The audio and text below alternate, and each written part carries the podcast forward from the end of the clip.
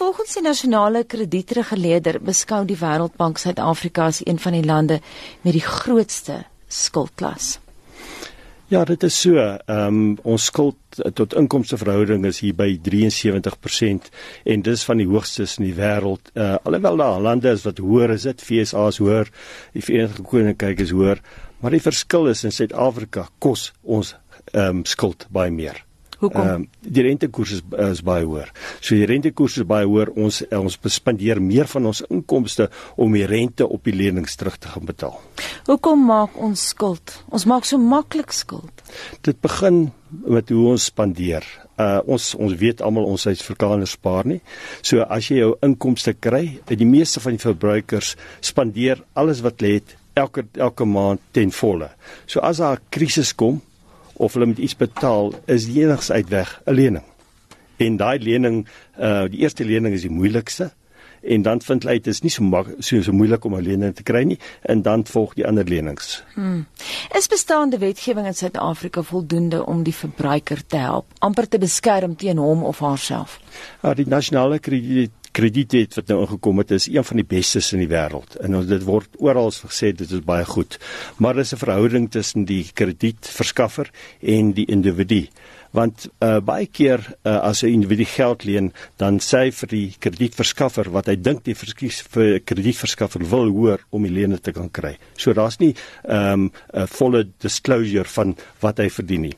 En as dit gaan gebeur die kredietverskaffer gaan kyk uh, kwalifiseer ek ja of nee ek wil die geld uitleen en as hy rek rekord skoon is dan gaan ek vir my geld leen en die verhouding tussen skuld en inkomste uh word bepaal in die um in die wet. Uh, met ander woorde jy moet die wet sê daar moet 'n sekere verhouding wees tussen die hoeveelheid skuld wat jy terugbetaal en wat jy verdien. Maar dit beskerm net die lae inkomste verbruikers. Dit beskerm nie die middel en die hoë inkomste verbruikers nie. Paul, jy vir ons 'n syfer daar. Hoe moet dit lyk? Like? Ja, die ehm um, ons model wat ons altyd gebruik moet sê is dat as jy meer as 35% van jou skuld terugbetaal, 35 van jou inkomste terugbetaal aan skuld, ehm uh, kan is dit al in die moeilikheid. Die gemiddelde in Suid-Afrika is oomblik tussen 54 en 64%.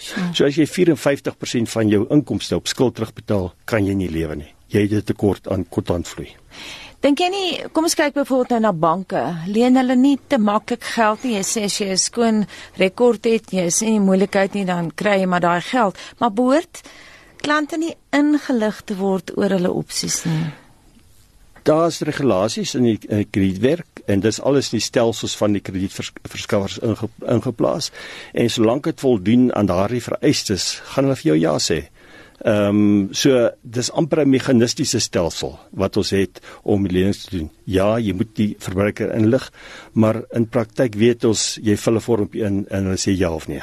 Maar belaglike terugbetalings, ek meen 'n persoonlike lening byvoorbeeld by 'n bank, dis 16% rente, maar dis eintlik 'n bietjie meer as dit per maand, want dit is 'n ja. persoonlike ja. Ja. lening, ek praat nie van Hulle uh, die banke of die kredietverskaffers kan tot op 27% vir 'n persoonlike lening hmm. vra en tot op 60% vir 'n korttermyn lening. Nou dis baie geld. En dan is daar nog 'n maandelikse fooi plus nog 'n uh, uh, 'n versekering wat jy moet bybetaal. So die koste is baie hoog en ons besef nie altyd wat dit ons kos om te leen nie. Nou jy is self 'n skuldberader Paul. Behoort 'n skoolkurrikulum nie spesifiek te fokus op hoe om begrotings te hanteer.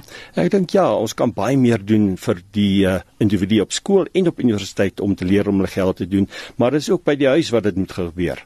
'n uh, Ma en pa moet 'n begroting vir die kind gee en die kind moet binne daai begroting leef want dan sal hulle weet hoe om dit te doen as hulle groter is en dit gebeur nie altyd nie. Ons ateljee gas vandag is die voorsitter van die Skuldberadersvereniging van Suid-Afrika, oftewel die KASA, Paul Slot. Paul, sien julle as skuldberaders 'n toename in klante gegee die sukkelende ekonomie? Ja, daar's ehm um, elke maand uh, op die oomblik so 16000 nuwe verbruikers wat aansoek doen vir skuldberading. Dis eintlik maar net 'n druppel in die emmer, want die die gewone ehm um, verbruiker wat in moeilikheid is, reageer soos volg op hulle probleme.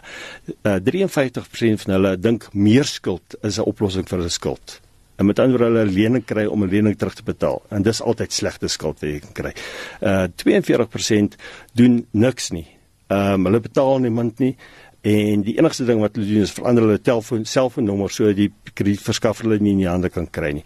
En slegs 5% is proaktief om iets daarmee te doen. So dis ons probleem is dat ons weet wanneer ons in die moeilikheid is, maar ons doen nie iets omtrent dit nie. As daar luisteraars is wat ver oggend luister en depressief is oor hulle skuld en regtig nie weet waarheen om te hardloop nie. Wat kan hulle doen? Ja, ek dink die beginpunt is uh kyk na jou bestedingspatrone. Uh kyk waar jy spandeer en hoe jy dit kan verander. Vat die enigste die die kleinste uh, uh lening wat jy het. Betaal 'n bietjie meer wat jy mag doen in terme van die wet en betaal hom af en sluit daai rekening en herhaal dit soveel as moontlik om jou skuldlas te verminder want so jy moet jou skuldlas per maand kry op 'n bekostigbare vlak 35% is pragtig. Ehm um, en skuld is nie alles sleg nie, skuld is goed, maar dit moet nie bo daai daai norm wees nie. So as jy nie 50% plus is, dan moet jy iets dramaties doen om skuld. Niemand anders gaan dit vir jou doen nie. Jy moet dit self doen. Jy sê skuld is nie alles sleg nie. Ek neem aan jy bedoel dat ons het tog almal huislenings. Baie ja. min middelklas mense kan 'n huis sommer net so koop. Ek dink baie min mense uh, kan 'n huis koop sonder om om geld te leen. Baie min mense kan 'n kar koop sonder mm. om geld te leen en dis goed.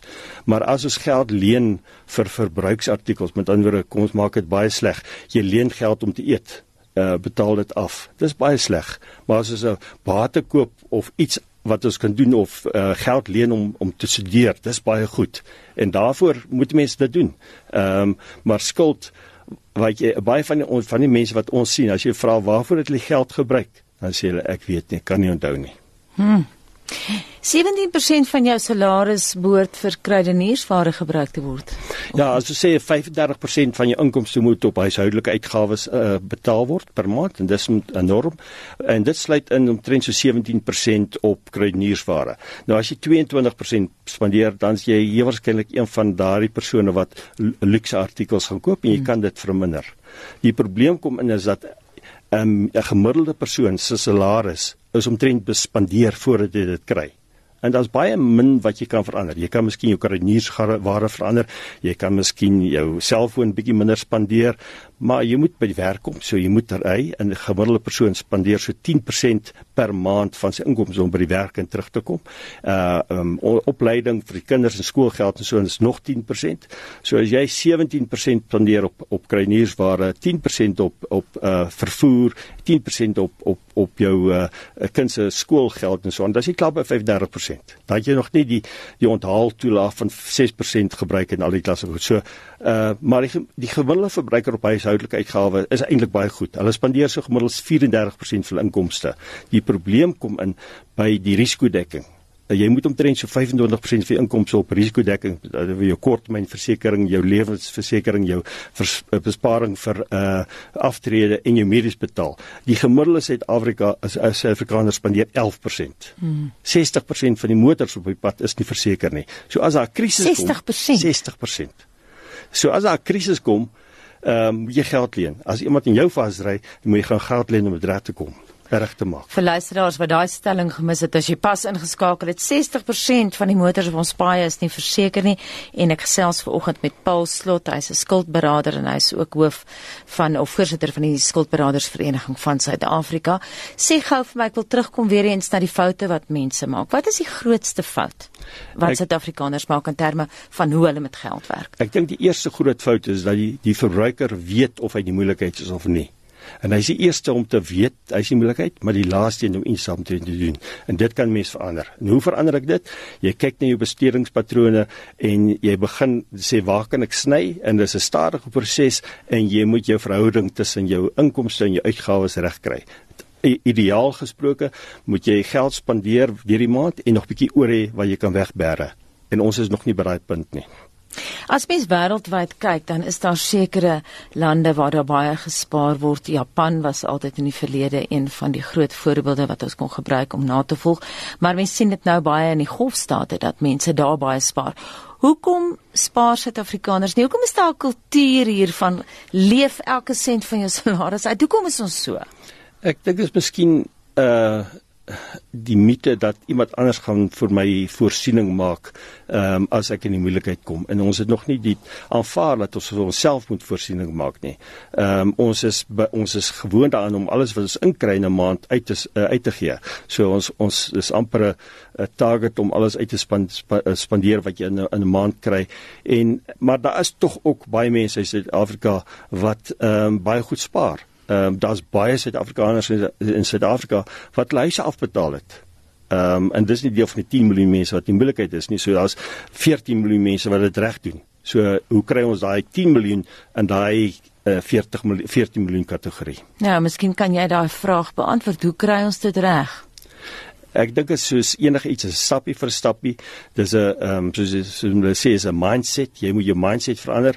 Jy moet gaan kyk hoe kan jy dit doen? Wat kan jy dit doen om dit te verander? En daai klein stappies maak en as jy enig uh, as jy 'n rekening vat, die kleinste rekening het en jy betaal hom af en jy maak hom toe, gaan jy so goed voel. Jy gaan dit herhaal. En dis wat ons moet doen.